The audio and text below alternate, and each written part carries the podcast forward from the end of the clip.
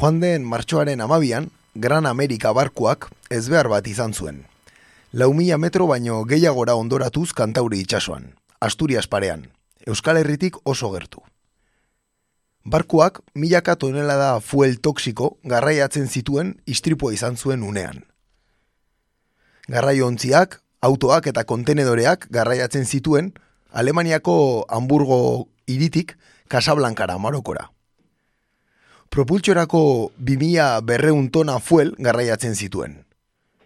Ontzia ondoratu ondoren, amar kilometroko luzerako eta kilometro bateko zabalerako orbana agertu zen Frantziako kostarako norantzan. Joan den astean, jada lapurdin atzeman zituzten fuel kutsatuagatik hildako lehen egazti eta arrainak. Badirudi, arazoa kontatzen digutena baina askoz larriagoa dela, eta kantauri itsasoan egoera larri baten aurrean aurkitzen garela. Olatuek eta itsaso zakarrak egoera gaiztotu dute, eta orbana gehiago zabaldu eta nahasi daurarekin, bera garbitzeko lanak asko zailduz baina kezkagarriena ondakin kimiko oso toksikoak dituzten upel batzuk dira. Zerrote dago bertan? Zein ondakin kimiko ote dira? Arrantzaleek kezkatuta egoteko arrazoiak badituzte. Baita arrantzaleak izan gabe bertan bizigarenok ere. Oroar, natura maite dugun guztiok. Baina oraingoz, isiltasuna da nagusi edabide nagusietan. Baita Euskal Herriko edabide handienetan ere. Hemen, Iberdrolaren historiako irabazirik handienak eta Euskadiko ekonomiaren egoera bikaina bezalako albisteekin itotzen gaituzte. Grande Amerika ontziaren afera hau, Gladys del Estal ekintzaile ekologista hilzutenetik berrogei urtera iritsi da.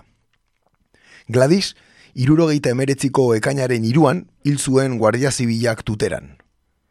Egun hartan, energia nuklearraren kontrako nazioarteko ekintza eguna, antolatu zuten mundu osoan, baita Euskal Herrian ere, tutera nain zuzen. Berrogei urte hauetan, impunitatearen itzala gaiendu zaio justiziari. Gladys hiltzuen agenteak ez bai du egindakoagatik ordaindu, baina bai dominak jaso. Gladys del Estalen eriotzaren berrogei garen urteurrenak, beste data ilun batekin bat egiten du. Europako batasuneko kideek, Sofia operazioa sei hilabetez luzatzea adostu dute. Baina erreskate ontzien parte hartzeri gabe. Libiako kostazainen eta gobernu kanpoko erakundek egingo dituzte soilik itxasoko erreskate lanak hemendik aurrera. Hau da gure Europar batasuna. Benetan horren parte izan nahi dugu Espainia barnean edo herri aske bezala? Hemen hasten da gaur egur. Guten Tag, meine Damen und Herren. C'est la lutte contre le terrorisme. Katea ez da eten. Agirre, garaikoetxea, leizaola. Gaur egur. Gaur egur. Gaur egur. Jolasten eta enredando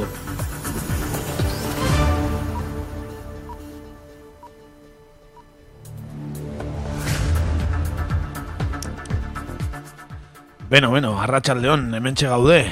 Beste behin astelenarekin gaurkoan apirilaren lehena, eh? eh Maia, apirilak bat, astelena. E, arratsaldeko sortziak eta lau minutu dira zuzen zuzenean kakaintzonako estudioetatik. Gaurkoan inungo arazori gabe dana joan da, eh? goxo, goxo. Benetan eh, harritzekoa, baina eskertzekoa ere bai. Ongi etorri bioi. Kaixo, kaixo den hori. Kaixo gabon guztioi, eta esan bezala periaren bata, iparraldean txantxetarako eguna, bai, hemengo inozenta den pareko eguna. Aha. Begira, ba, ez gaitzatela bromara hartu iparraldean, eh, gaurkoan. E, benetan, e, bueno, bagoaz e, gurearekin, baina benetan, e, Gran Cap Amerikaren barkoarei buruz aurre ikusten dugu irratsaio bere batek beharko degula, eh? Zeren, e, benetan isiltasuna, benetan lotxagarria eta oso adirazkorrare bai, eh? Bai, aurreko astetan adibidez, eh, ikusi eh, albistegietan, eh, euskal albistegietan, eh, EITB adibidez, ba, eh, ordu erditik aurrera ematen zuela, ez? Osea, importantzi maila nahiko nahiko bajua ematen zuten. Bai, autoeskunde gatoz eta ez diote gehiegi eman nahi horri, ez da? Dirudien ez, ez da? Ez dirudi oso irudi ona ematen duenik, ez? Bai. Hautez leia ondan. Ez dituzte eskuak galipotaz eh, kakaztu nahi hauteskundeak baino lehen, ez? Dirudien ez. Baina, bai, beretan e, a, beldurgarria, eh? eta bai, Euskal, Euskal Herriko kosta libratuko dala, esatez duten, bai, ikusiko dugu, zen libratuko dan. Eta ber, e, ze arrai jango dugun, eh? urrengo garaietan. E, besteak beste, ezta? E, bueno, ba, hori labur-labur eta aipatuko dugu segurueni beste irratxaio batean, zen pinta dauka luzera joango dela, ezta? Bai. Beno, ba, guazen gurera eta bertan gaurrekin hasiko gara lehen atalarekin.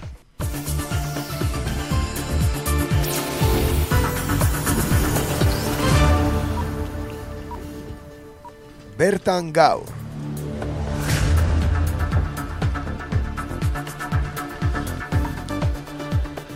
Beno, ba, gaurkoan bertan gaurren, e, gutxitan egin dugun gozat izango da, eta Euskal Herriko familia garrantzitsu bati errepaso egingo diogu. Benetan, e, ba, familia ez daguna, batez ere, agian e, aita ez, patriarka bera, ez? Baina beste, dato, ondorengoak ere, ba, ez dira motz geratzen, eh? E, horretarako, ba, ahostar zelaieta gure e, kazetari gustokoenetako baten artikulo bat ekarri dugu. Hor dago aldizkarian e, argitaratu zuen, besteak beste, ez dakit no, norbe, nonbait gehiago argitaratu duen.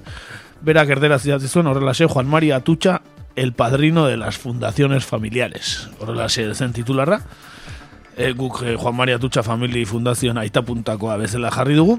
Eta, ba, zergatik, ba, bueno, familia oso garrantzitsua delako, naiz eta protagonistaren hitzetan oso famili apalekoak izan beraiek, entzun dezagun. Gure familia, mm, famili arrunt bat izan da, baina apala. Niri gustatzen jatana beti esate, herrikoiak izan gara beti. Ojo, Mari. Agur, agur, kontxita.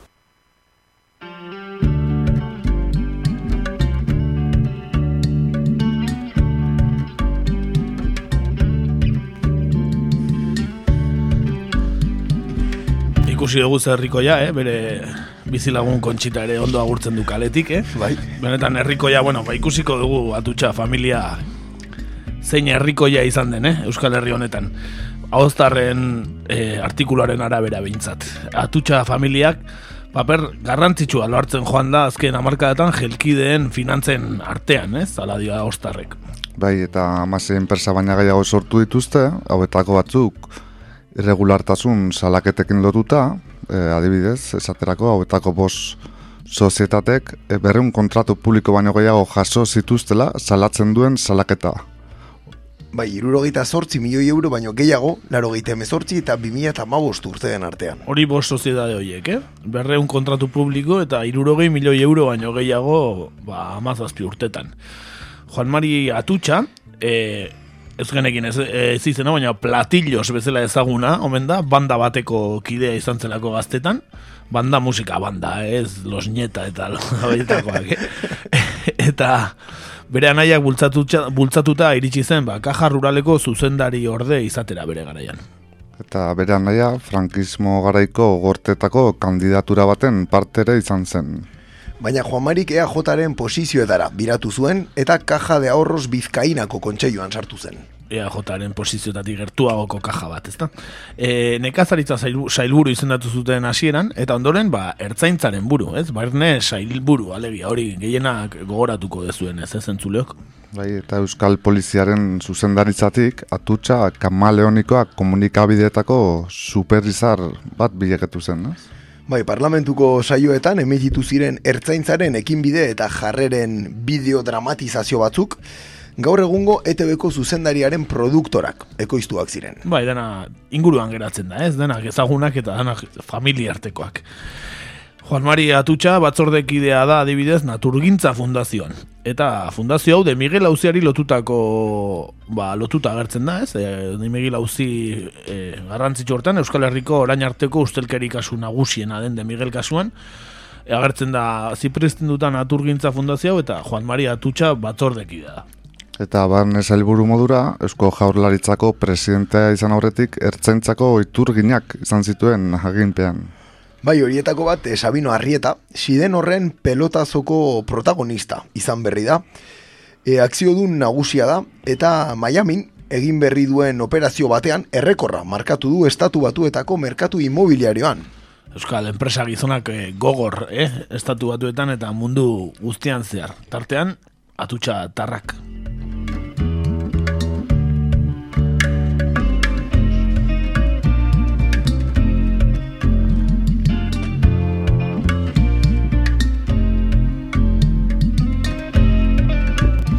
Beno, e, ba, izan ditu kargu asko Juan Maria Tutxak, baina azkena hor- horregatik da ezaguna, orain, ba, Sabino Arana fundazioko ba, presidentea delako, ezta? Bai, eta EAJaren parten Sabino Arana Fundazioko presidente modura, 2005an adibidez, Jordi Pu- Pujoldi fundazioaren sari berezia eman zion. Bai, benetan eh, adierazgarria, eh? zein eman zion saria, ezta? Bai. E, bueno, Eusko Alderdi Jeltzalearen fundazio honek ez ditu kontuak kontu tribunalean aurkeztu 2000 eta amabi urter arte. E, naiz eta larogeita zortzian sortu zen. Pentsa, eh? Ba, ea, Hogeita lau urte. lau urte kontuak eman gabe kontu tribunalean, ezta? Ez zeukan zertan. Gainera, eh, kontuan izan, estatuaren partetik eta baita lakuaren partetik ere diru laguntza jaso izan dituela fundazio honek. Eta kontu tribunalaren arabera, Sabino Arana Fundazioak Ipar Kutxa, Bilbao Bizkaia Kutxa, MCC, Oda Mondragon Taldea, eta Euskaltel bestelako erakundekiko donazioak jaso ditu. Ez dira, ez dira, eh? Ez dira edo norre, Ipar Kutxa, Bilbao Bizkaia Kutxa, MCC, eh? Mondragon Korporazio guztia, eta Euskaltel, la, beste, beste, mandizki laguntzak eh? Sabino Arana Fundazio honi, eh? Haze sponsorrak, Bai, bai. kakaintzona ez dute sponsorizatzen, eh? Oraingoz. eh, eh. Eta segi dezatela horrela. 2000 eta zazpian adibidez, berreunda hogeita bost milioi pezetako donazioak jaso izana deklaratu zuen fundazioak Sabine etxea eraikitzeko izan zen. etxea, eh, eraikin, bikain horian dagona, eh, jardines de albia edo antxe dagoen, eh, ba, begira. Ba, berronda eta os milioi pezetako donazoiak jaso zituen, bueno, deklaratu zuen jaso zituela fundazioak, eh, bere garaian. Fundazioko presidente hoi batek eh, gainera enpresa bat montatu zuen Alvarez Kaskos ministroiarekin eta presidente honen seme alabak Paradise Papers eh, famatuetan ageri dira baita ere. Beraz, agian Alvarez Kaskos horregatik etorri zen Arzaiusen eh, hiletetara, eh? Kontxo, kontxo. Baliteke. Eta EAJ Espainiako txapelduna izan da donazio anonimoetan, adibidez 2007an debegatu ziren arte. Ba, pentsa, eh? Ahostarren eh, aburuz, ba, Espainiako txapelduna izan da donazio anonimoetan ea jota, eh? Eta hori ez da edo zen txapel, eh? Ez da auzoko petankan irabaztea, eh? Espainian donazioak, eh, bakigu nola joan diren, eh? Desde luego, eh? Champions Leaguean lehenengo gelditza da, bai, irabaztea, Bai, bai. bai, NBA. Aixe, bera, bai. De hecho, orain eh, gutxi, ba, kontu tribunalek eh, zigor espediente bat zabaldu dio EAJari, sozietate amaraun baten inguruan finantziazio ilegala egon litekelakoan. Nik ez dut e, e, inun ikusi hau, eh? Haustarrek esaten du baina, ez da inotik atean albistea, zeren Bea, jota eta finantziazio ilegala, bueno, bueno, bueno, zer da hori? Gezurra. lehenengo berria. Fundazioak, e, Sabino Arana fundazioa zari gara, Fidel Bustingorri izendatu zuen diruzain. Bustingorri iruzur egiteagatik inputatuta dago PWC enpresako bazkidea izateagatik. Eta Juan Mari Atutxak PVC-ri esleitu zion Eusko Jaurlaritzako plan estrategikoa. Behatzi,6 milioi pezetaren truk. Orain gutxi PWC Asierra Tutxa Juan Mariren semea fitxatu berri du. Eh? Fitxaje estrella, hori hau ere, Champions Liga irabazteko, ba, asierra tutxa, fitxajea aurrelari bikaina. Hori da, merkatua zabalik dago beti, ez da? Bai, hauentzat beti dago zabali merkatu da, bai.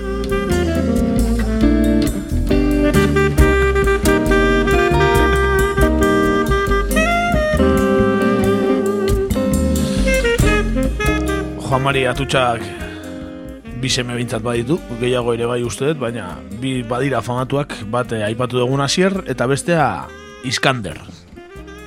Eta sozietate ugari sortu dituzte biek, eta milioi eurotako kontratuak lotu dituzte administrazio publikoarekin.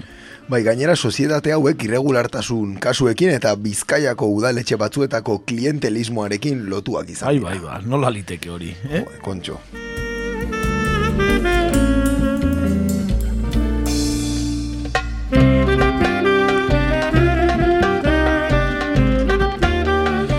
Bueno, ba, bi semeak aipatuko ditugu, lehenik eta baina sierra tutxa bera.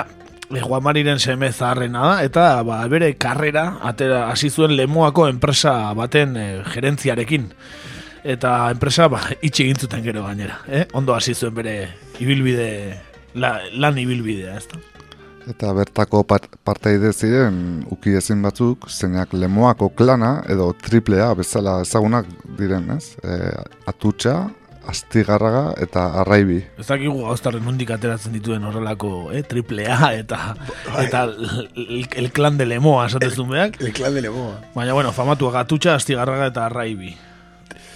Bueno, eh, esan beharra dago iziltasunaren legea nagusi izan dela lemoan, e, lege gintzaldi luzeetan zehar, eta Eusko Alderdi Jeltzaleak hauteskundeak galdu zituenean, txoko ilegal batean e, berri jakintzela. Goratuko duzu igual, ez? Hola, soziade bat, txoko bat, ez, antze ona. Eta bertan, ba, milaka euro fakturatu zizkion lemoak udaletxeari alkohol eta puruetan, eh? Eta EAJ-ko buruzagi eta militanteek disfrutatzen zituzten edari eta eta purua, horiek, noski, eh? Eta hori agertu zen, ba, EAJ-ak boterea galdu zuenean lemoan, agertu zen. Eta ba, irudi bertako sozio bazela aserratutxa ere. Eta bizkai buru batzarak, barkamena askatu behar izan zion, lemoako herriari egindako kudeak eta lotxagariaren gatik. Ze gutxiago, ez?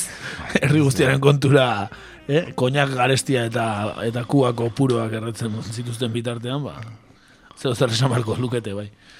Kontu hauetaz aparte, alor politiko, eh, politikoan, esan banago, aziaratutxa, eh, Eusko Gaztedi indarrako egiko, bozera maia ere izan zela. Egiko bozera maia izan zen eta honek gaztetatik ateak irekizizkion, Guggenheim Museoko pertsonaleko zuzendari gisa onartua izateko adibidez. Bertan lan egin baizuen pertsonaleko zuzendari modura Guggenheimen, Naiz eta postu horretarako berreunda berrogeita mar pertsona gaina gehiago aurkeztu ziren, eh? Baina, badirudi kurrikulum onena aseratu zuela berreunda berrogeita marroien artean, ba, Guggenheim Museoko pertsonaleko zuzendari izateko. Zergatik ez? Eta tutxa, Bizkaiburu batzareko presidente izateko kinelatan egartzen bazen ere, azkenean Bilboko portuko zuzendari izendatu zuten. Goratuko ez agian, no, telebistan garai hortan bastante atea zan, eh, bombero batek, eh, suiltzaile batek, uko egintzionean eh, armak bidaltzeko kargatzeari Bilboko portuan, orduan bastante atera zan telebistan asera tutxa. Ordu arte etzan ateratzen, baina orduan bastante, bastante minutu izan zituen prentxan eta telebistan eta beraitaren semea zala ez nekien nik, eh? baina hoxe ez da. Bai, baina gogoratzen da baina. Bai, bai, bai, bai, perfectamente ba, gaina. Bera asiratu txan.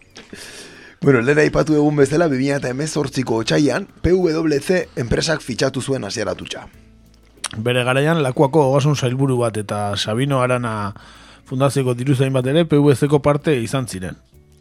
Eta PWC-ren Euskal Delegazioko zuzendaria, Bizkaiko ogasun diputatu hoi bat da e, aipatu PVC kontsultoriak isun fiskal ugari izan dituela eta PPren kontabilitate estrarekin ere lotua izan dela, eh, PVC enpresa, eh? Asiratu fitxatu duen hau, eta ba, beste beste bizkaiko gasun diputatu bat ere lanean dagoena, eta Sabino Arana diru, e, fundazioko diruzain bat eta lakoak ogasun zailburu bat ere bai, bueno. ez dakit, eh? PEA ez dakit undikatea duten, baina WCA badakigun undikatera duten, eh? bai, PEA del partido, ore, bai, ez da.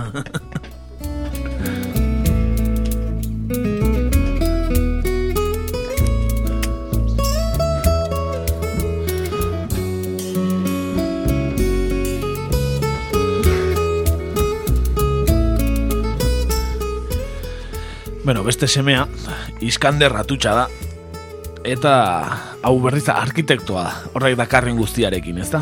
E, izan ere, ba, herri desberdinetako udal arkitekto modura ibili da lanean, edo bero enpresak lana desberdinak egin ditu udaletxe desberdinentzat, eta askoetan ba, bere izena agertu da irregulartasunekin lotuta, eh? nola liteke. Eh? Imobiliariak, eraikuntza, arkitektoak eta irregulartasunak, eh? Eta kasurik ezagunena bakio deor da, zenetan bakioko alkateoia zigortua izan zen. Falsifikazioa eta iruzurra egotzita. Bai, udalerri honetan Iskander Atutxak amasei lan fakturatu zituen bere izenean, IAZ eta estudioaren izenean, eta beste sei bere jabetzako beste estudio batekin, eh? Arkigest estudioaren izenean. Aipatu kontratu hauek denak Gernikako epaitegian ikertuak izan zirela, eh? kasu honen arira. Eta Iskander urbiz taldearekin asoziatua dago eta talde honek interesak ditu Panaman eta bere zuzendaritzan EAIotako pedigridun abizenak daude. Adibidez, eh, Fernando Lamikiz, abokatua, edo Aitor Olabarri, eraikuntzako enpresaria esate baterako. Ba, Fernando Lamikiz, eh, atletikeko presidenteri izan zena, eh? Bai, bai. Iskanderren beste lan polemiko bat, galdakaoko lursailu batzuen birklasifikatze bat izan zen. Lur industriala lur komertzial modura berkalifikatzeagatik Euskal Herria Bilduk salatua, salatu egin zuen. Ermuako variantearen gain kostuek ere polemika sortu zuten Iskanderren e, kontura. Honen atzean, e, ba hori, Iskander bera agertzen da, bere izena agertzen zen ere, er, Ermuako varianteko gain kostuen gatik. Eta Guggenheim enpresako obren arkitekto laguntzaia ere bera izan zen. Bata, e, anai bat pertsonaleko zuzendari eta beste arkitekto laguntzaile, eh? E, ez dakit, oso onak izango dira bere lanean agian, baina Zalantzarik ez daukagu. gogoratu ez dagun Guggenheim noiz eraiki zen eta ze eta ze polemika egontzen horrekin ere, eh? Bueno, guzti hau gutxi balitz, bere etxe bizitzaren eraikuntza ere polemika zinguratuta egonda, izan ere Juan Mari Atutxaren semeak txalet bat eraiki zuen mundakan.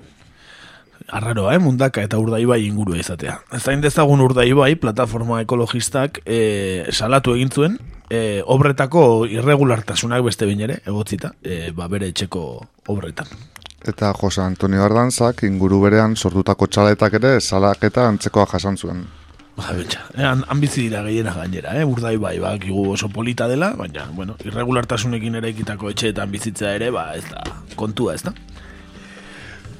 Ba, bai, esan bezala, bueno, e, atutxak e, bi, bi seme ditu, baina baita ere alaba bat, bai, ainara atutxa, bai, e, Juan Mariren alaba Fundación Vasca para la Seguridad Bialeko sorkuntzan partaide izan zen.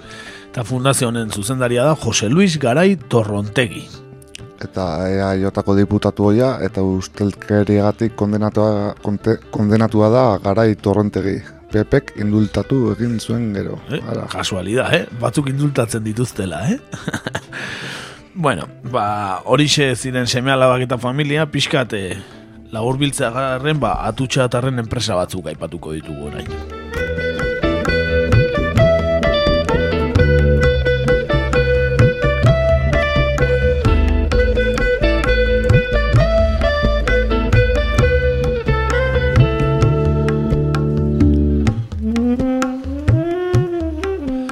Ba, guazen enpresetako batzuekin, Bai, e, hortxe dago lenda bizikoa Ingeplan Consulting deitzen da, bai, e, Iskander atutxak, ez, e, duen enpresa bada, ez, asesori bat. Hogeita bost milioi euro kontratu publikoetan jaso ditu, bakiodor kasuan agertzen da ere, lehen komentatu dugu moduan. Zaldibarko alkate hoia ere fitxatu zuen e, Ingeplan konsultin honde- honek eta aipatu Iskanderrek lan ugari egin dituela Zaldibarko herrian, ba, hau alkate zen orduan, eh? Bigarren enpresa bat aipatzearen IAZ eta estudioa eta arkigest Iskander Atutxa arkitektura. Ba, iru milioi euro kontratu publikoetan eta inge planekin batera lan egiten dute. Bak, bakio de hor kasuan agertzen da. Aipatu dugun bezala.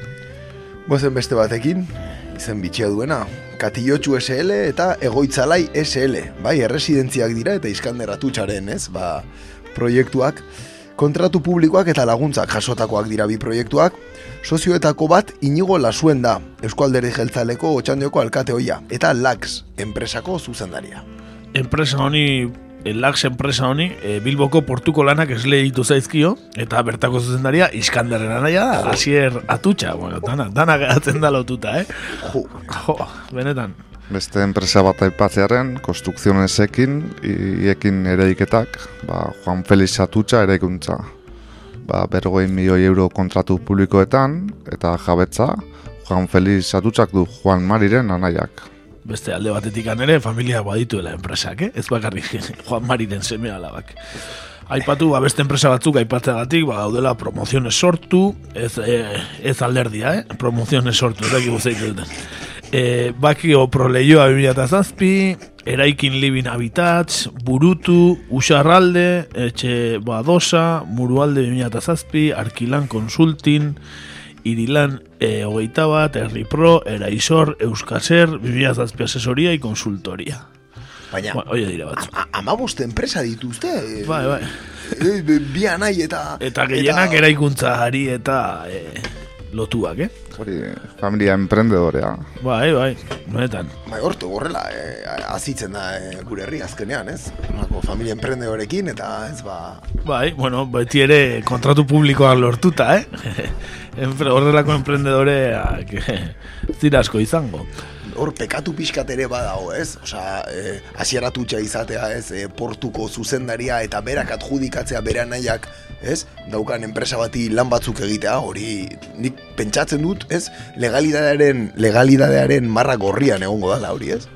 Bai, bai, bai. Bueno, ez da bere naia, da bere naien sozioaren beste enpresa. Bueno, hori barkatu, hoxe, ez? Hori da, hori da, hortxagakoa, eh? Bizka trikimailoak, trikimailoak erabiltze dituzte, eh? ez dute hain, hain e, zera egiten, baina bueno, badakigu ahostar iker, ikertzaile bikaina dela ahostar zelaieta, eta eta etzaio bat eh, eskapatzen, eh, gizonari. Agostarri, vamos, agostarretaz eskapatzea oso gauza komplikatua eh?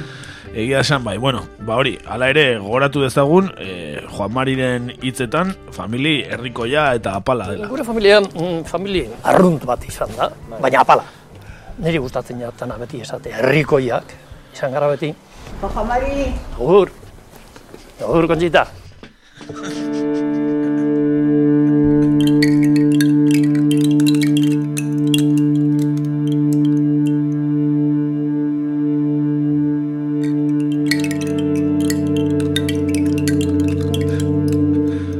kontxita kontxi bilbao, bote zen, agian, eh? Kitatuta ontziela, biak batera, eh? Baditeke, bai. Bai, bai, bai. Benetan herrikoia eta familia apala, eh? Bai, Apala, ikusi, beti. irakurri dugu, bai, oso apala, bai. Bai, eta hori gustau egiten zait. Apalean dirua gordetzekoa, igual.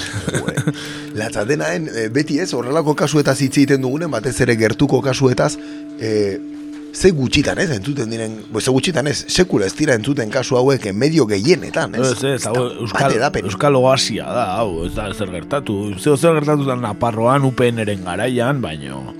Baina UPN ez hijo, no, horrez da izen bat amarka boterean, ez EAJ bezala. ez da? Hoixe bera, ez? Denaen, modus operandia, bueno, Valentzian, edo Gürtel bezerako kasuetan, ez? Edo Kamsen sumarioen ikusitako kasu askoren antza dauka, ez? E, denak da, dena klientelismoa, denak dia, ba, bueno, e, favoreak, laguntasuneko, ez? Tratu hoiek. Bai, bai, eta diru Venga. publikoa xautzea beraien enpresetan, eh, gain kostuak eta batez ere eraikuntzara eta, ez, ba, hor diru asko mogitzen delako.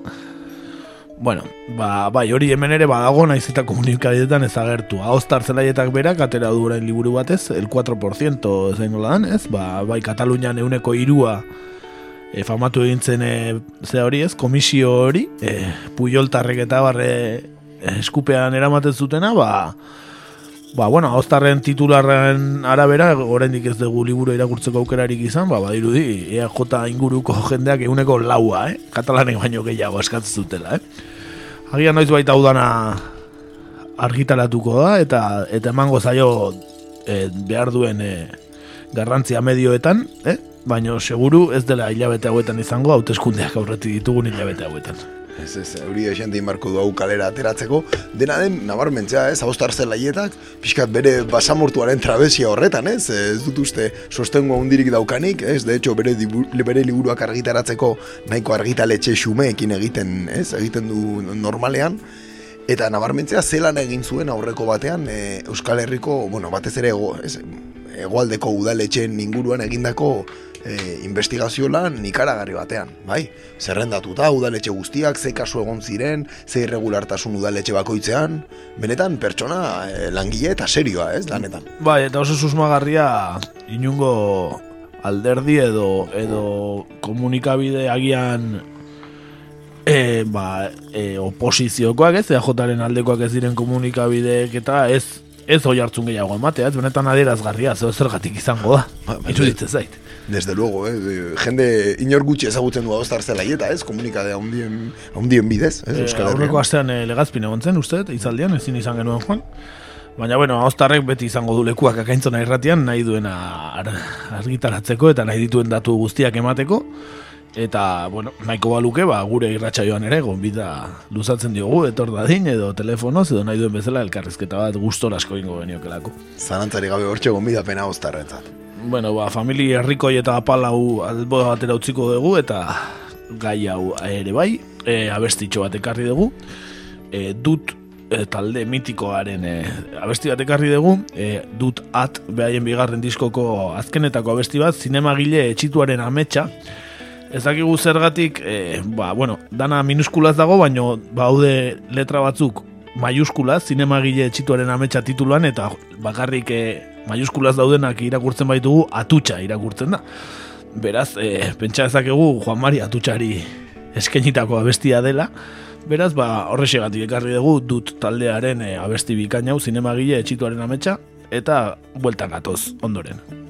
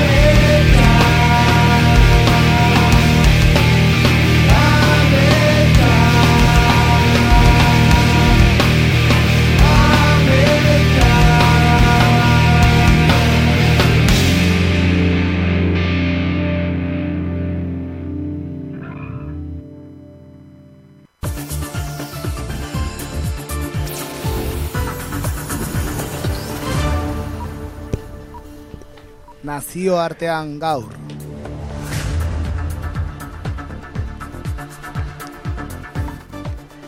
Bueno, ba, astero bezala bagoaz nazioartera, eh, munduari zabaltzen diogun gure leio horta. Eta gaurkoan, ba, azken astetan zeresan handia ematen ari den herrialde batera e, hurbilduko gea. E, amarkadatan, ezagutu ez diren mobilizazioak burutzen ari dira, eta badirudi, bueno, ba, egoera politikoa aldatzeko zorian dagoera e, Algerian. Zer da gertatzen ari dena, nola iritsi da herrialdea beratxau e, egoera honetara, e, bueno, ba, gaur gure nazioarteko tartean galdera hauei erantzuten saiatuko gara.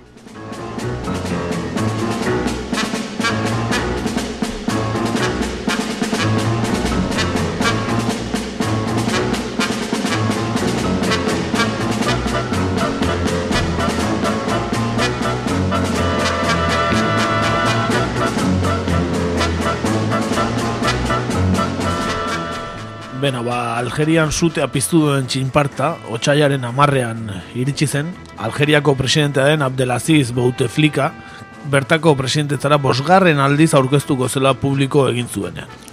Eta berri honek, Algeria ugari aserretu zituen, eta berria jakin eta minutu gutxira, sare sozialetan, protestarako deialdiak bolo-bolo zabaldu ziren. Bai, urrengo egunean bertan, Algeriako hiri askotan, baina baita ere atzerrian, eundaka mila pertsona bildu zituzten protesta baketsuak hasi ziren. Protesta hauen edapenak Algeria arrestatuko botere estamentu guztietara ustekabean arra, estamentu guztiak barkatu ustekabean harrapatu zituen, mota honetako erantzunak ez baitira ohikoak Algerian azken aldian. Eta urteetan, gobernuak ezarritako neurri errepresiboek mobilizazioak eta protestak ekiditea lortu badute ere, badirudi azken hilabetean gertatutakoak egoera berri bat marraztu duela. Nazioartean, naiz politika algeriarra jarraitzen duten behatzaien artean ere, harridura sortu du egoera honek, areta gehiago, kontutan hartzen badugu 2008 garen urtean, mundu arabiarrean izandako protesta masibuetan, herrialde hau oasi bat bilakatu zela.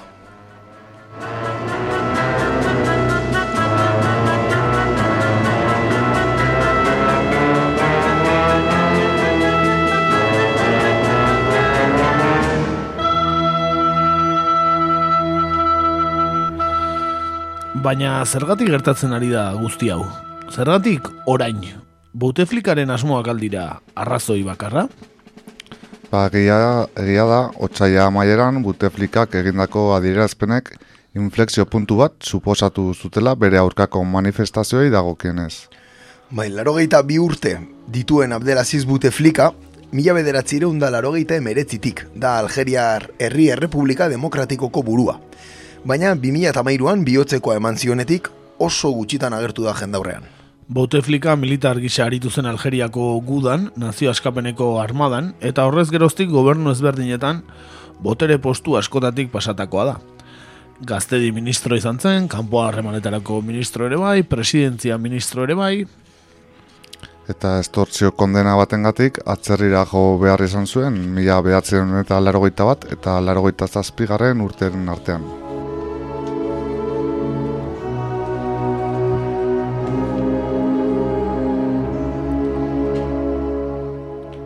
Larogeita margarren amarkadan, Algerian estatuaren eta milizia islamisten artean eman zen guda zibilean, orduko presidente zen Lamin Zerual, baino profil negoziatzaileagoa erakutsi zuen buteflikak, eta larogeita emeretzian, presidente aukeratu zuten zalantza hundiak sortu zituen hautez prozesu baten ondoren.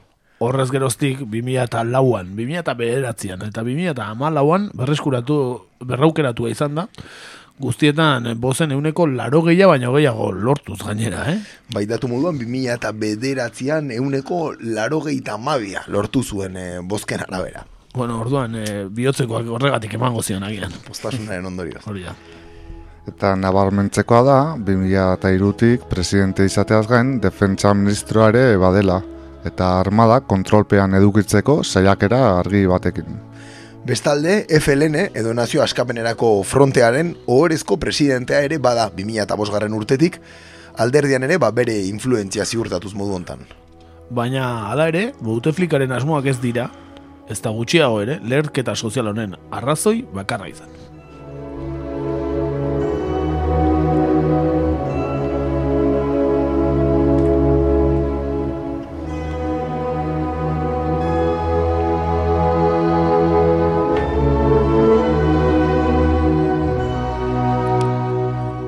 Aipatzeko, mila bederatzeron eta larogeita zortzigarren urtean, izandako langabaziaren aurkako gazten manifestazioetatik ez da gogoratzen mugimendu sozial hain jendetsu eta zabala Algerian.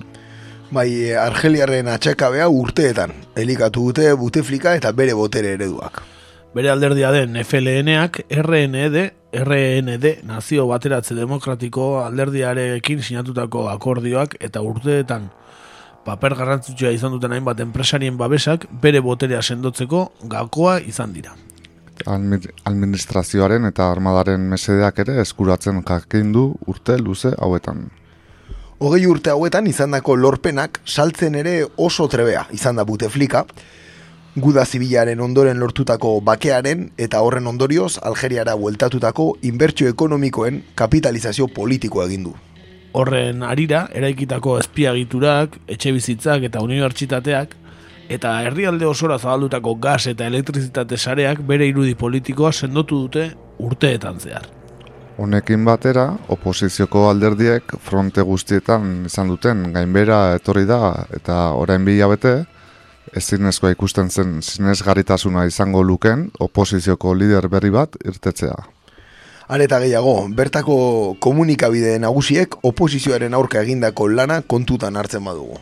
Dena den, egungo protesten oinarrian Bouteflikaren kudeaketaren txamponaren beste aldea dago.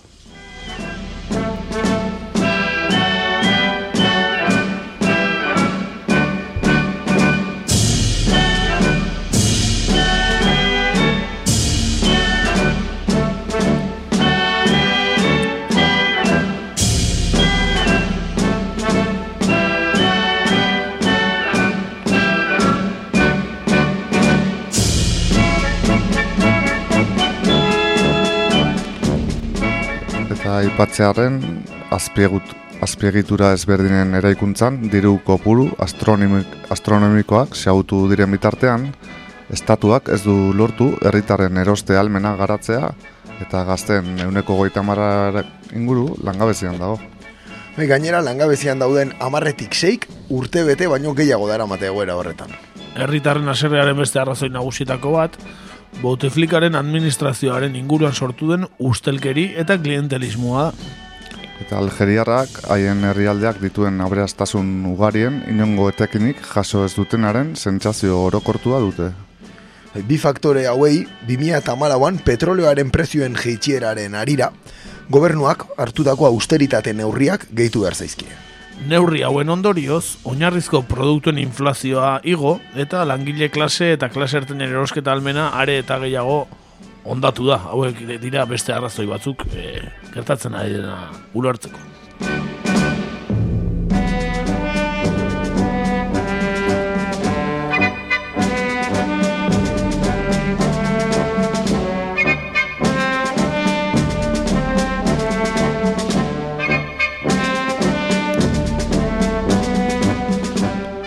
Testu inguru honetan, 2013tik osasun oso kaskarra duen buteflikak bere burua beste legealdi baterako aurkeztu izanak, neke eta humilazio sentimenduak eragin ditu herritarren zati handi batengan. Bai, badirudi gobernuak ez duela ondo kalkulatu. Azken hamarkadetan bere politikek sortu duten klase ertainaren heldutasun politikoa. Antza denez, klase ertain hori dagoeneko ez da konformatzen gobernuak proposatzen dituen aurrerapen politiko eta sozialekin eta gehiago nahi ditu.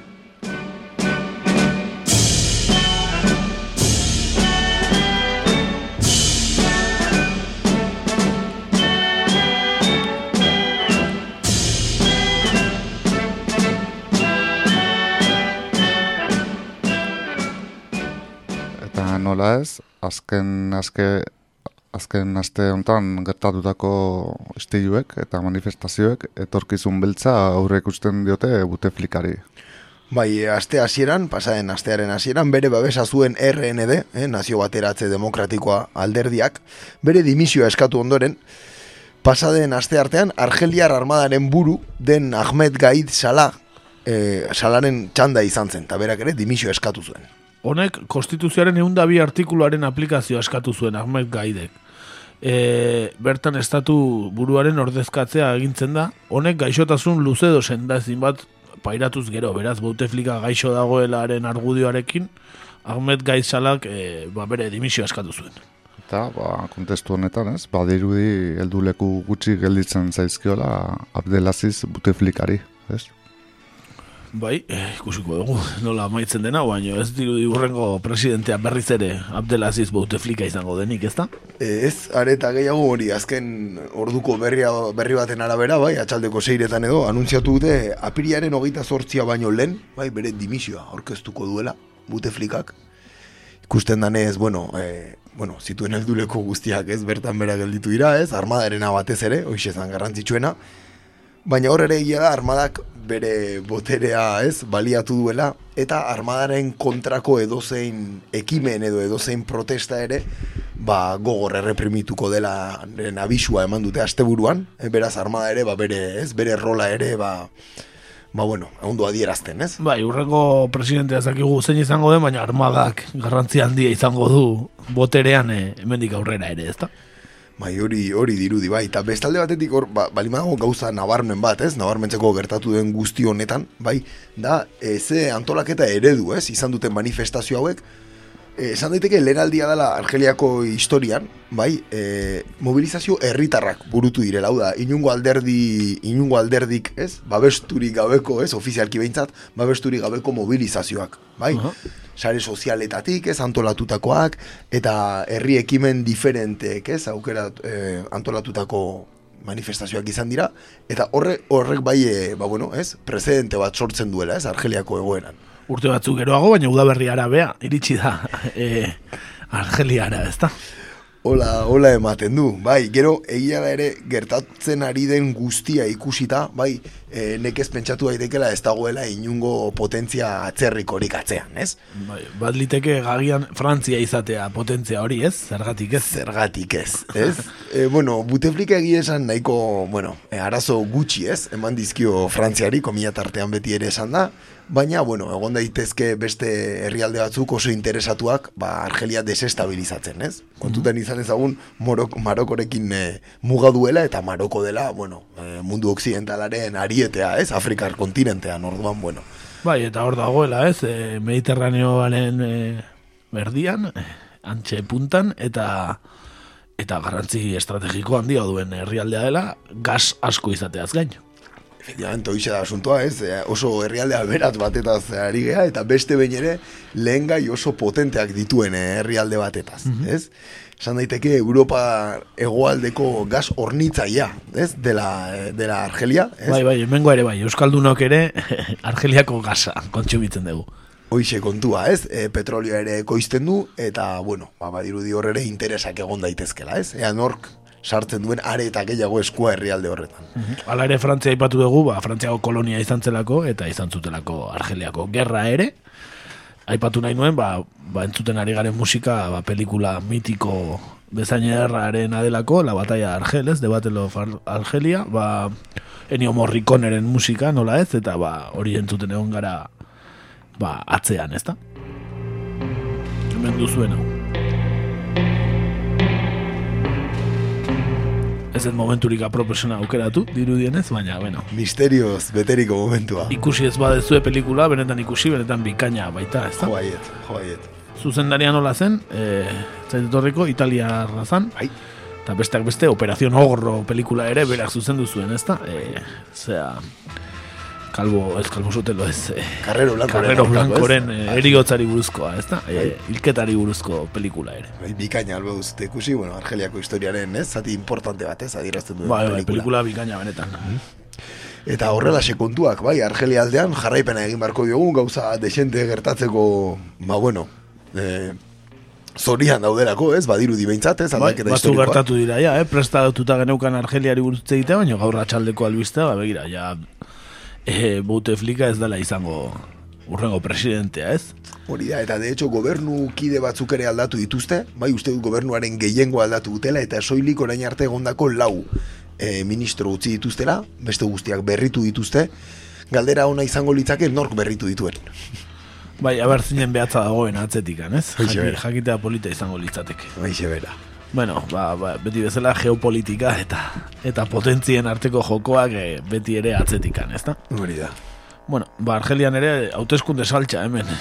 Ego Euskal Herrian hilabete hauetan daukagun bezala.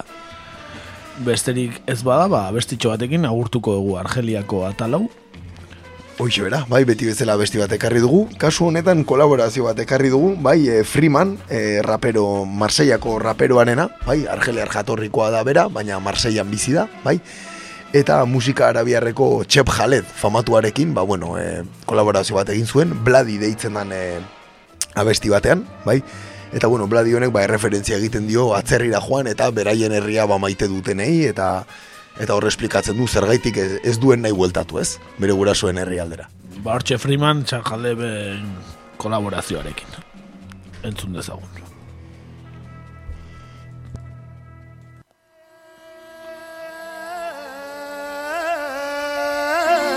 ليلي يا ليلي يا ليلي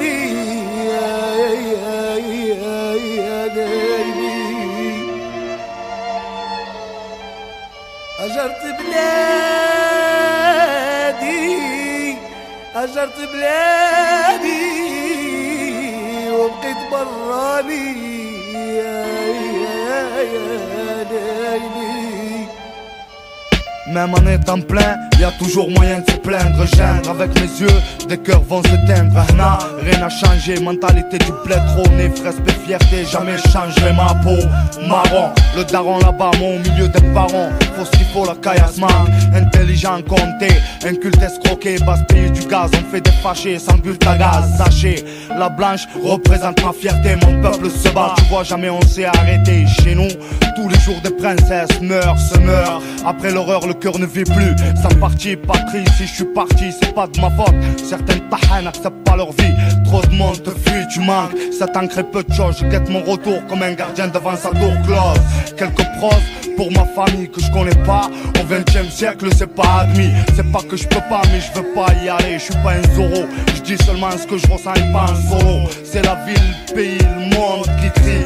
Et certains, comme moi, écrivent le bled mon pays. Plus de liberté d'expression, y'a assez marre. شعل ماتوا عليك الناس يا مصيبة Seul, une heure d'avion nous sépare Seul sur Notre-Dame à l'horizon Je rêve de te voir en bonne santé Quelle gloire pour un pays sans peuple Déchiré, manipulé pour le blé De là, je pense à toi Le bled mon pays, Asema avec ses treillis Est-ce là le prix d'une liberté D'une liberté oubliée avec cette tuerie Le bled se pourrit de là, je pense à toi, le bled mon pays, Asema avec ses treillis. Est-ce là le prix d'une liberté? D'une liberté oubliée avec cette tuerie Le bled se pourrit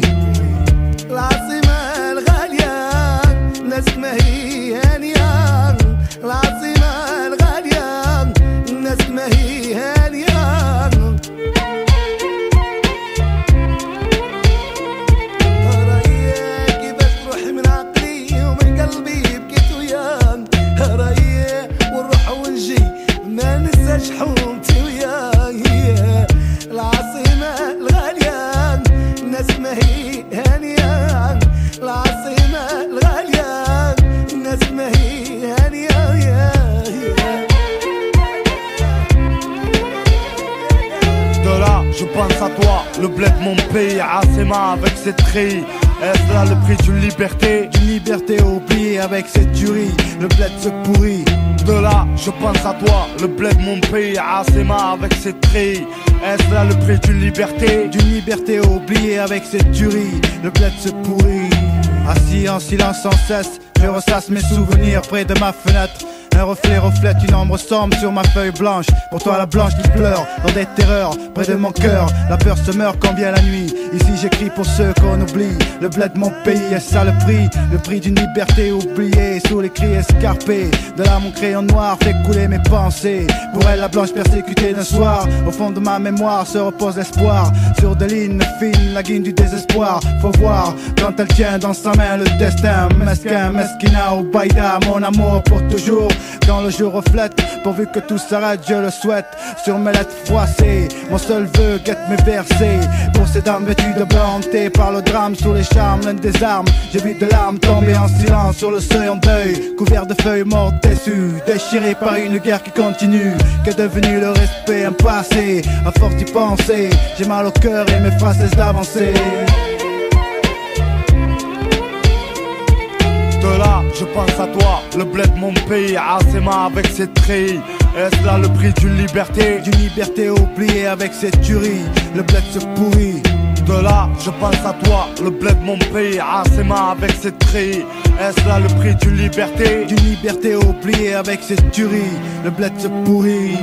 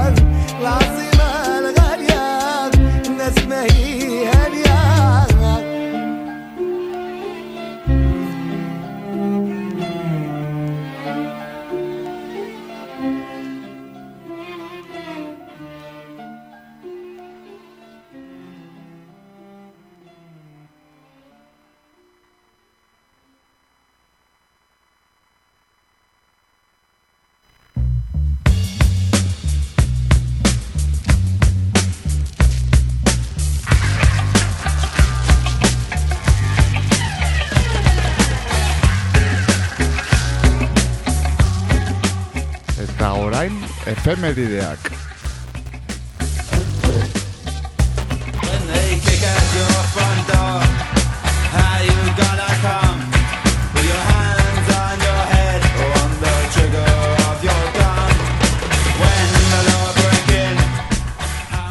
Beno, bagoaz efemeridekin, lehenengo aipatu entzule oso finak ditugula eta batalla, la batalla Argel eta Operación Ogroko zuzendaria Gilo Pontecor, Pontecorvo izan zela, e, idatzi digutela, beraz, oso entzule fina ditugu.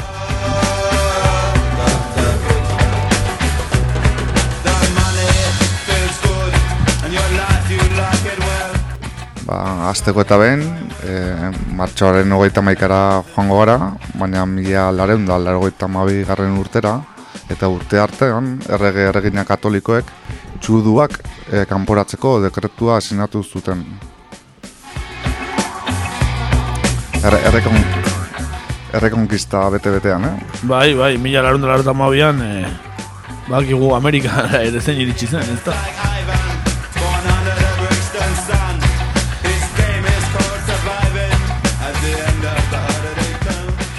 Martxoaren hogeita maikan ere, baina mila bederatzireun da hogeita mazazpian, Italiako armadako hegazkinek Durango bombardatu zuten. Atzo, bueno, bertan ekitaldiak egin ziren, ez? Komemoratuz, bueno, komemoratuz baino gehiago, ba, bueno, ez? E, memoria historikoari bide eman, ez? Bai, Gernikakoa pasatzen historiara, baina Durangokoa ere oso oso bortitza izan zen, eh?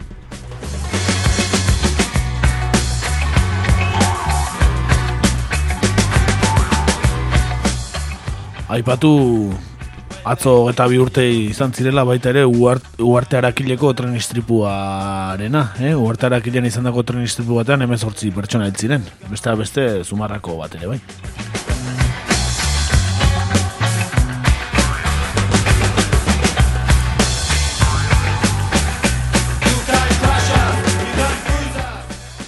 Eta apiriaren lehenengoan, baina mila bederatzen dagoita laugarren urtean, indarraren bidez, Bavariar gobernua irauli nahi izateagatik Hitlerri goi mailako traizioa egotzi eta bost urteko kartzela zigorra ezarri zioten. Hori izan zen e, putsch de la cerveceria delako ura.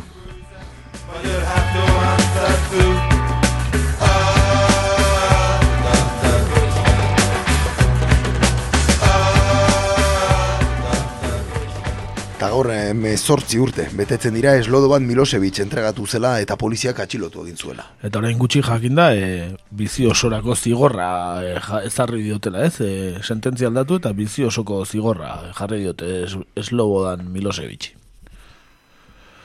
E, aipatu baita ere, apirilaren iruan, etzi, e, mila batzen da eta malauean, e, etak Gregorio Posadas Zurron, guardia zibila erail zuela azpeitian.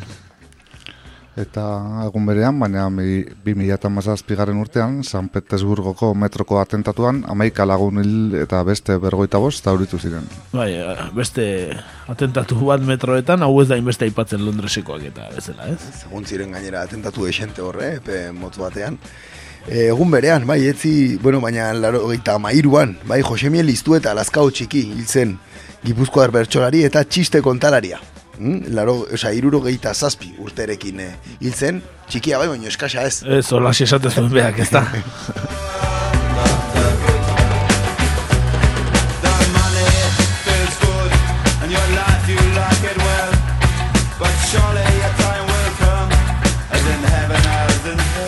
Apirilaren lauean, e, beteko dira amaika urte, transizioaz gero, lehen aldiz Bilboko udaletxean Espainiako bandera ezarri zutela.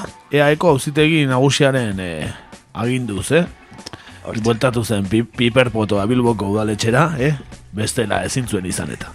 Nola ez, azkuna zen alkate gora ezagun.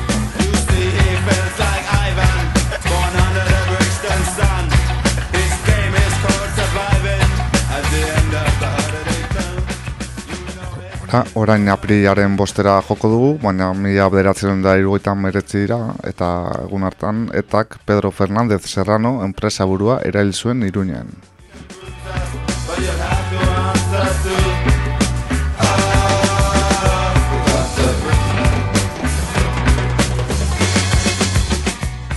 Eta egun berean, baina mila bederatzerun da laro geita maikan, Bosnia Herzegovinak independentzia proklamatu zuen Jugoslaviatik. Bai, gai honi ere heldu beharko diogu noiz bait, eh? Zalantzarik gabe. Jugoslaviaren e, urte urrena ere gerrako agotan sartu zela eta orain betetzen dira hogeita mar urte, ez? Beraz, ez hogeita mar? Ez, hogei urte dira. Hogei urte. Ba, ba horixe, hogei urte. Hogei urte, ba hori ere heldu beharko diogu. Hogeita bost hori da. Bi mila eta hamarrean, berrogeta hiru pertsona hil ziren Pakistango ipar ekialdean talibanek egindako antentatuetan. Indiako Txatizga estatuan gerrilla maoistak hiru eta hiru polizia ere hil zituen.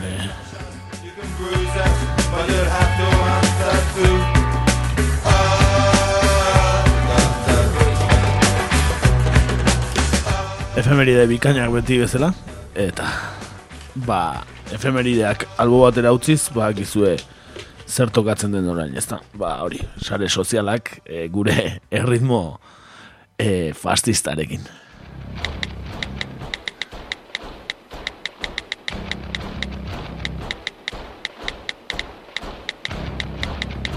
Und das deutsche Volk siegt!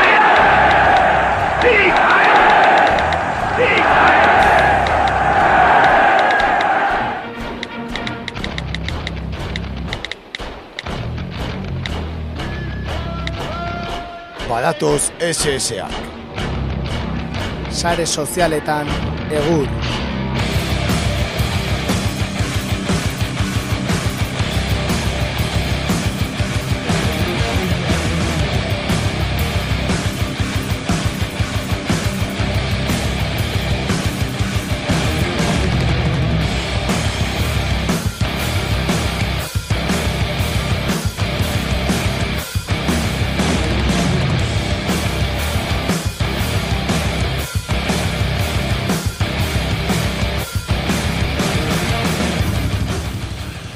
Beno, hemen gaude bai, erritmo fascista hauekin eta Hitlerren ahotsa entzun eta gero, ba, bai, sare sozialak, SS-ak batoz, eta gaurkoan protagonista bikaina dugu e, ba, SS inguruan aritzeko, Za- izan ere, ba, bueno, beti bezala, sare sozialetan aste osoan zehar gauza pilo bat e, egon dira, gai pilo bat, asko txorradak, ezta? Bai, telebistako programa tontoi buruzkoak edo futbolari buruzkoak adibidez, baina bueno, gure interesatzen zaizkigunak beste kontu batzuk izaten dira. Eta aste honetan ba, egon baldin bada sare sozialetan e, protagonista handi bat, hori Josep Borrell izan da, ez, dudari gabe. E, Espainiako atzerri ministroa, Josep Borrell, e, eta ba, Tin Sebastian, Deutsche Bell e, telebistako kazetariarekin izan dako elkarrizketa beroa izan da. Ba, ba aste honetako gai nagusia. E, eta ba, elkarrizketaren zati batzuk ekarri ditugu, inglesez da, badakigu gure entzuleak, ba, ba, e, poliglotak direla eta hizkuntza askoak izkitela eta ingelesez ere bai. Orduan ingelesez jarriko dugu, baina gero itzuliko dugu ba, pixkat e, tarte horiek e, zer esaten duten bai batak eta bai besteak bai ingelesez hain belarri hain landua ez duen arentzat. Naiz eta Josep Borrellen ingelesa nahiko errez ulertzekoa den hemen, e, bere azentoa eta ez da oso, oso ingelesa. Beraz, bueno, entzun dezagun ala ere, Josep Borrell eta Tin Sebastian. A ber, zer esaten duten. Your government came to power promising to transform and modernize Spain. My point to you is keeping people in lockdown, in solitary confinement for What 15 say hours a day. What do you mean by solitude? Solitary confinement, 15 hours a day, a 63 year old grandmother. Convicted of nothing. Well, excuse me, why do you say convicted of nothing? Do you know about the conviction on this case? I start thinking that you don't anything about it. She hasn't been convicted of anything, has she? She's been charged, He but she has has not charged. been convicted. Well, let's. Eh, eh, I, I really eh, why- stop it. If we continue like this, I stop this interview. Understand me? If you continue like this, I stop it. And you are not interrogating me. You are interviewing me. Yeah, and I'm. No, no, no, no, no. You are trying to get at- interviewing me. You what are I'm not, trying to You are get not a police. No, I'm I am not get a subject of any kind of inquiry from your side. I understand that. So I understand put the right questions and let me talk. If not, I stop it. Absolutely. Okay, I'm- let's just start again. I'm, look,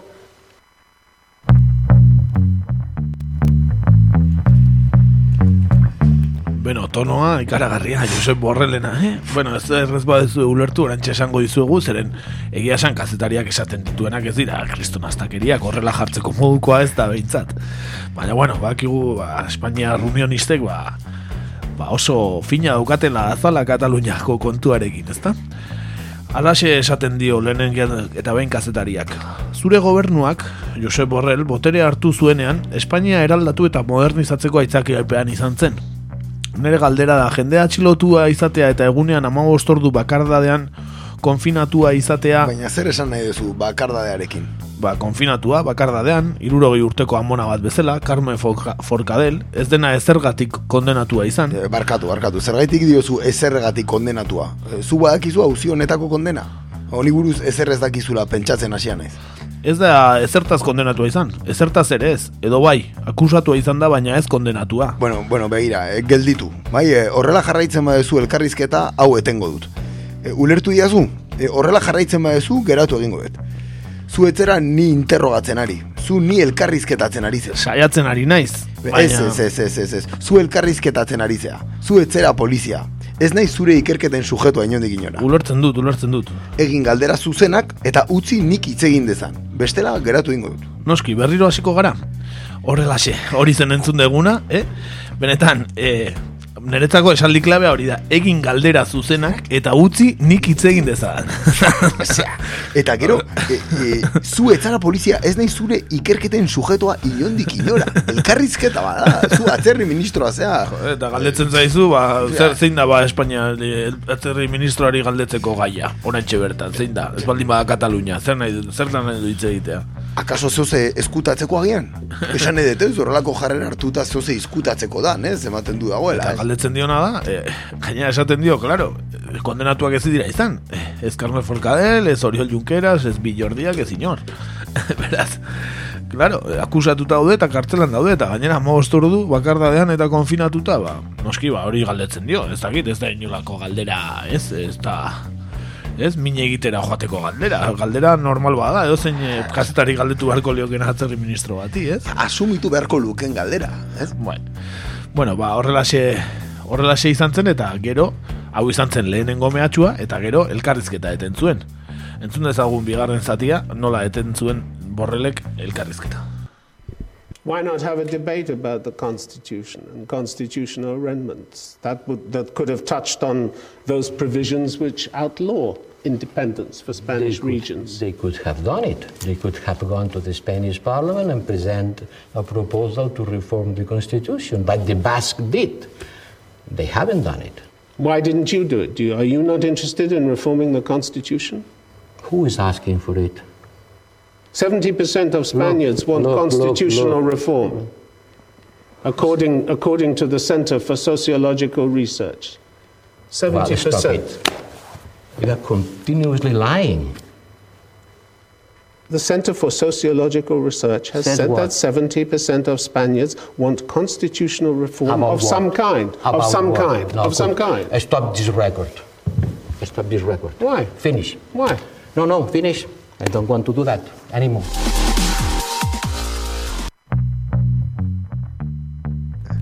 Ba, horixe.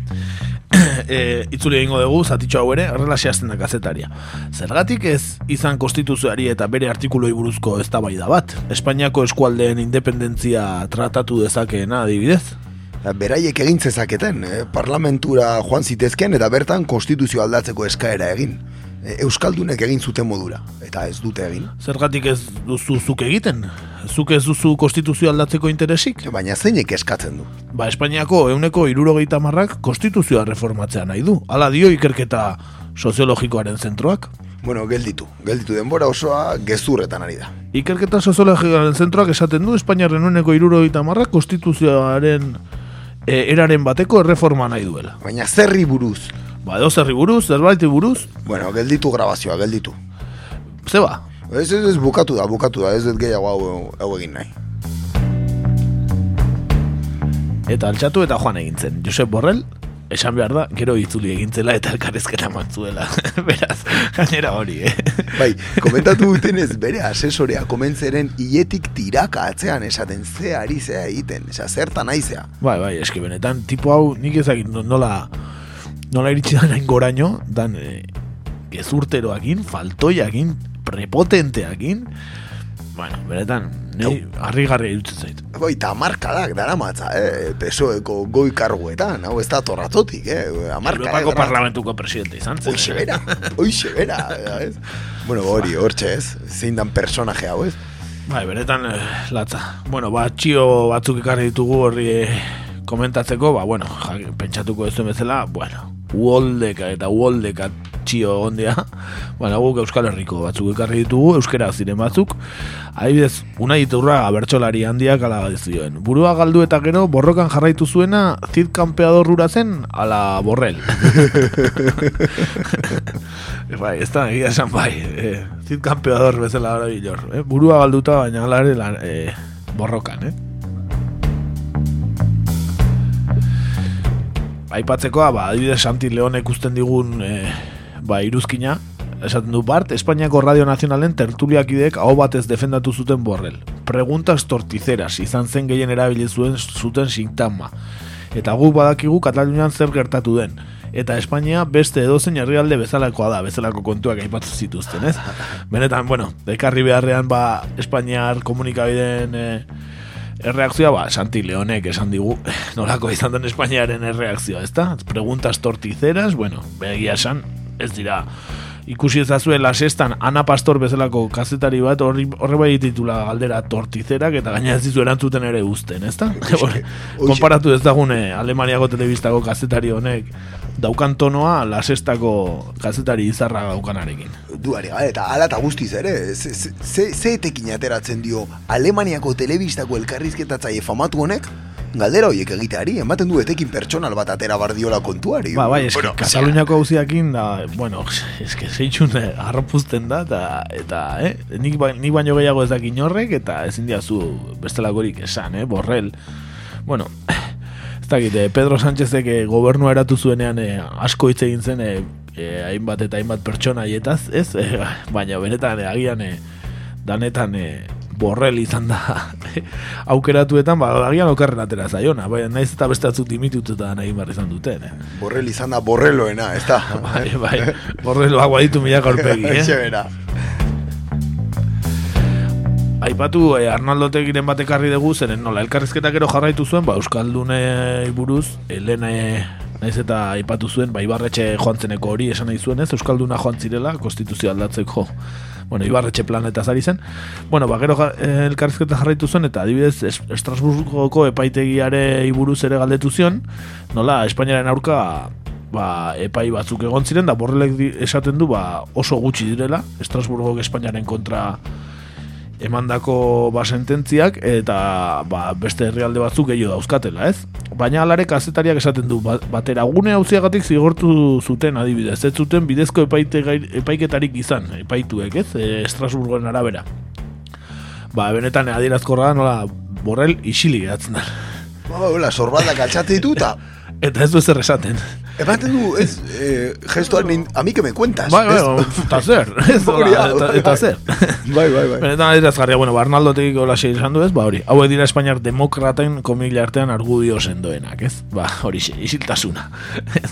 Ez que benetan, eh, ez dakit nola nola usten dioten borrilei elkarrizketak ematen, ez dakit nik nazio artean beste elkarrizketarik emango duen, eh? Ez egia, aipatzen dituen gai guztietako protagonistei kriston favore egiten diela orokorren. Bai, bai, ez da lehenengo aldiak hartzen dugun, agoratu Amerikako konkistari buruz eta esan zituenak, eta bar, eta bar, benetan eh, pertsonaje bikaina, Josep Borrell. Aipatu bukatzeko, ba, parodia bat egin dutela Polonia TV3eko programa ospetsuan, ez? E, beti parodia polita egiten dituztela, eta bueno, nahi bat zue bilatu sareetan, eh, benetan, eh, grazioso alako orain dio, estremora gora matute Borrell, altxatzen da maila botatzen du, eta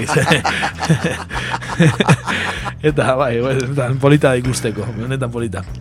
Bueno, kont- kontu guzti honekin, gotu zaigu Twitter galdera ba, borrelli buruz egitea, eh? aipatu ba, borre, eh, aurreko asteko Twitter galderan, aipatzen genuela, ba, nola kasadok eh, gogoratuko zaten bezala, getxo gipuzkoan zegoela esan zuenez, ba, ea ber, Euskal Herriko zein herri edo hiri aldatuko zenuketen provintziaz, eta bueno, gure entzuleak e, pixkat e, maltzurra dia gu bezala eta irabazi du legazpi nafarroara joatea, eh? Ondagiela legazpi arrei, eh? Edo zeinek eh, nahiko genuke nafarroan, eh? Baina, bueno, bai, hori izan da. Euneko berrogeita zazpiarekin e, legazpi nafarroara izan da, eta bigarrena herri guztiak nafarroara. Hor, legazpi ere nafarroara, beraz, euneko esan dezakegu larogeita lauak nahi du legazpi nafarroa izatea. Bueno, Biak gehituta. bueno, eh, joder. Gero maule arabara uneko amaikak eta uneko bostak donosti bizkaiara. Así que diario basko eta el korreo sustatzen duten provinzialismo hori gure entzulei ez gehiagi gustatzen eta, Ez, ez, eta ez ez dira sartzen. Ez dute jarraitu ez. Bueno, eh, aipatu bezala, ba, gaur- gaurko Twitter galdera izango da ea borrelentza zein litzateken kazetari egokia orduan, eh, Alemaniako kazetari hau etzaio gustatu, ba, orduan eh, ezin izango zen ba, kazetari egokia borrel elkarrizketatzeko, objetibotasunaren eredu zein ote den. Guri lau ere okurritu zaizkigu, lauak euskal herritarrak. lauak.